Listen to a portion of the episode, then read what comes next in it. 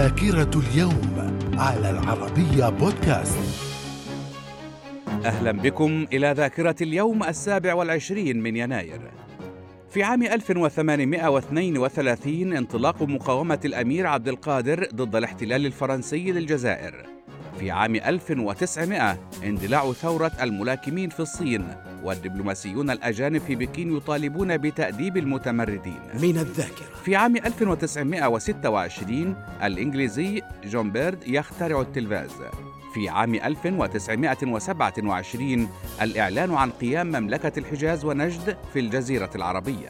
في عام 1944 رفع الحصار عن مدينة لينينغراد بعد ما يقارب 900 يوم منذ بدايته وذلك أثناء الحرب العالمية الثانية. من الذاكرة. في عام 1980 روبرت موغابي يعود من المنفى إلى روديسا.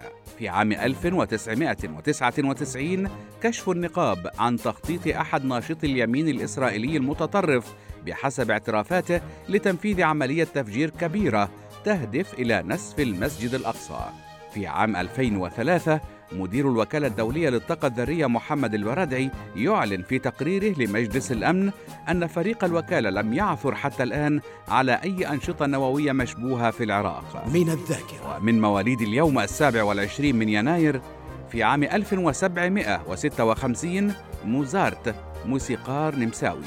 في عام 1850 إدوارد جون سميث قبطان سفينة تايتانيك. في عام 1933 محمد الفايد ملياردير ورجل أعمال مصري. في عام 1939 إبراهيم مرعشلي ممثل لبناني. من الذاكرة. ومن وفيات اليوم السابع والعشرين من يناير في عام 1983 محمود إسماعيل كاتب وممثل مصري. في عام 2005 الأميرة فوزية ابنة فاروق الأول آخر ملوك المملكة المصرية. إلى اللقاء.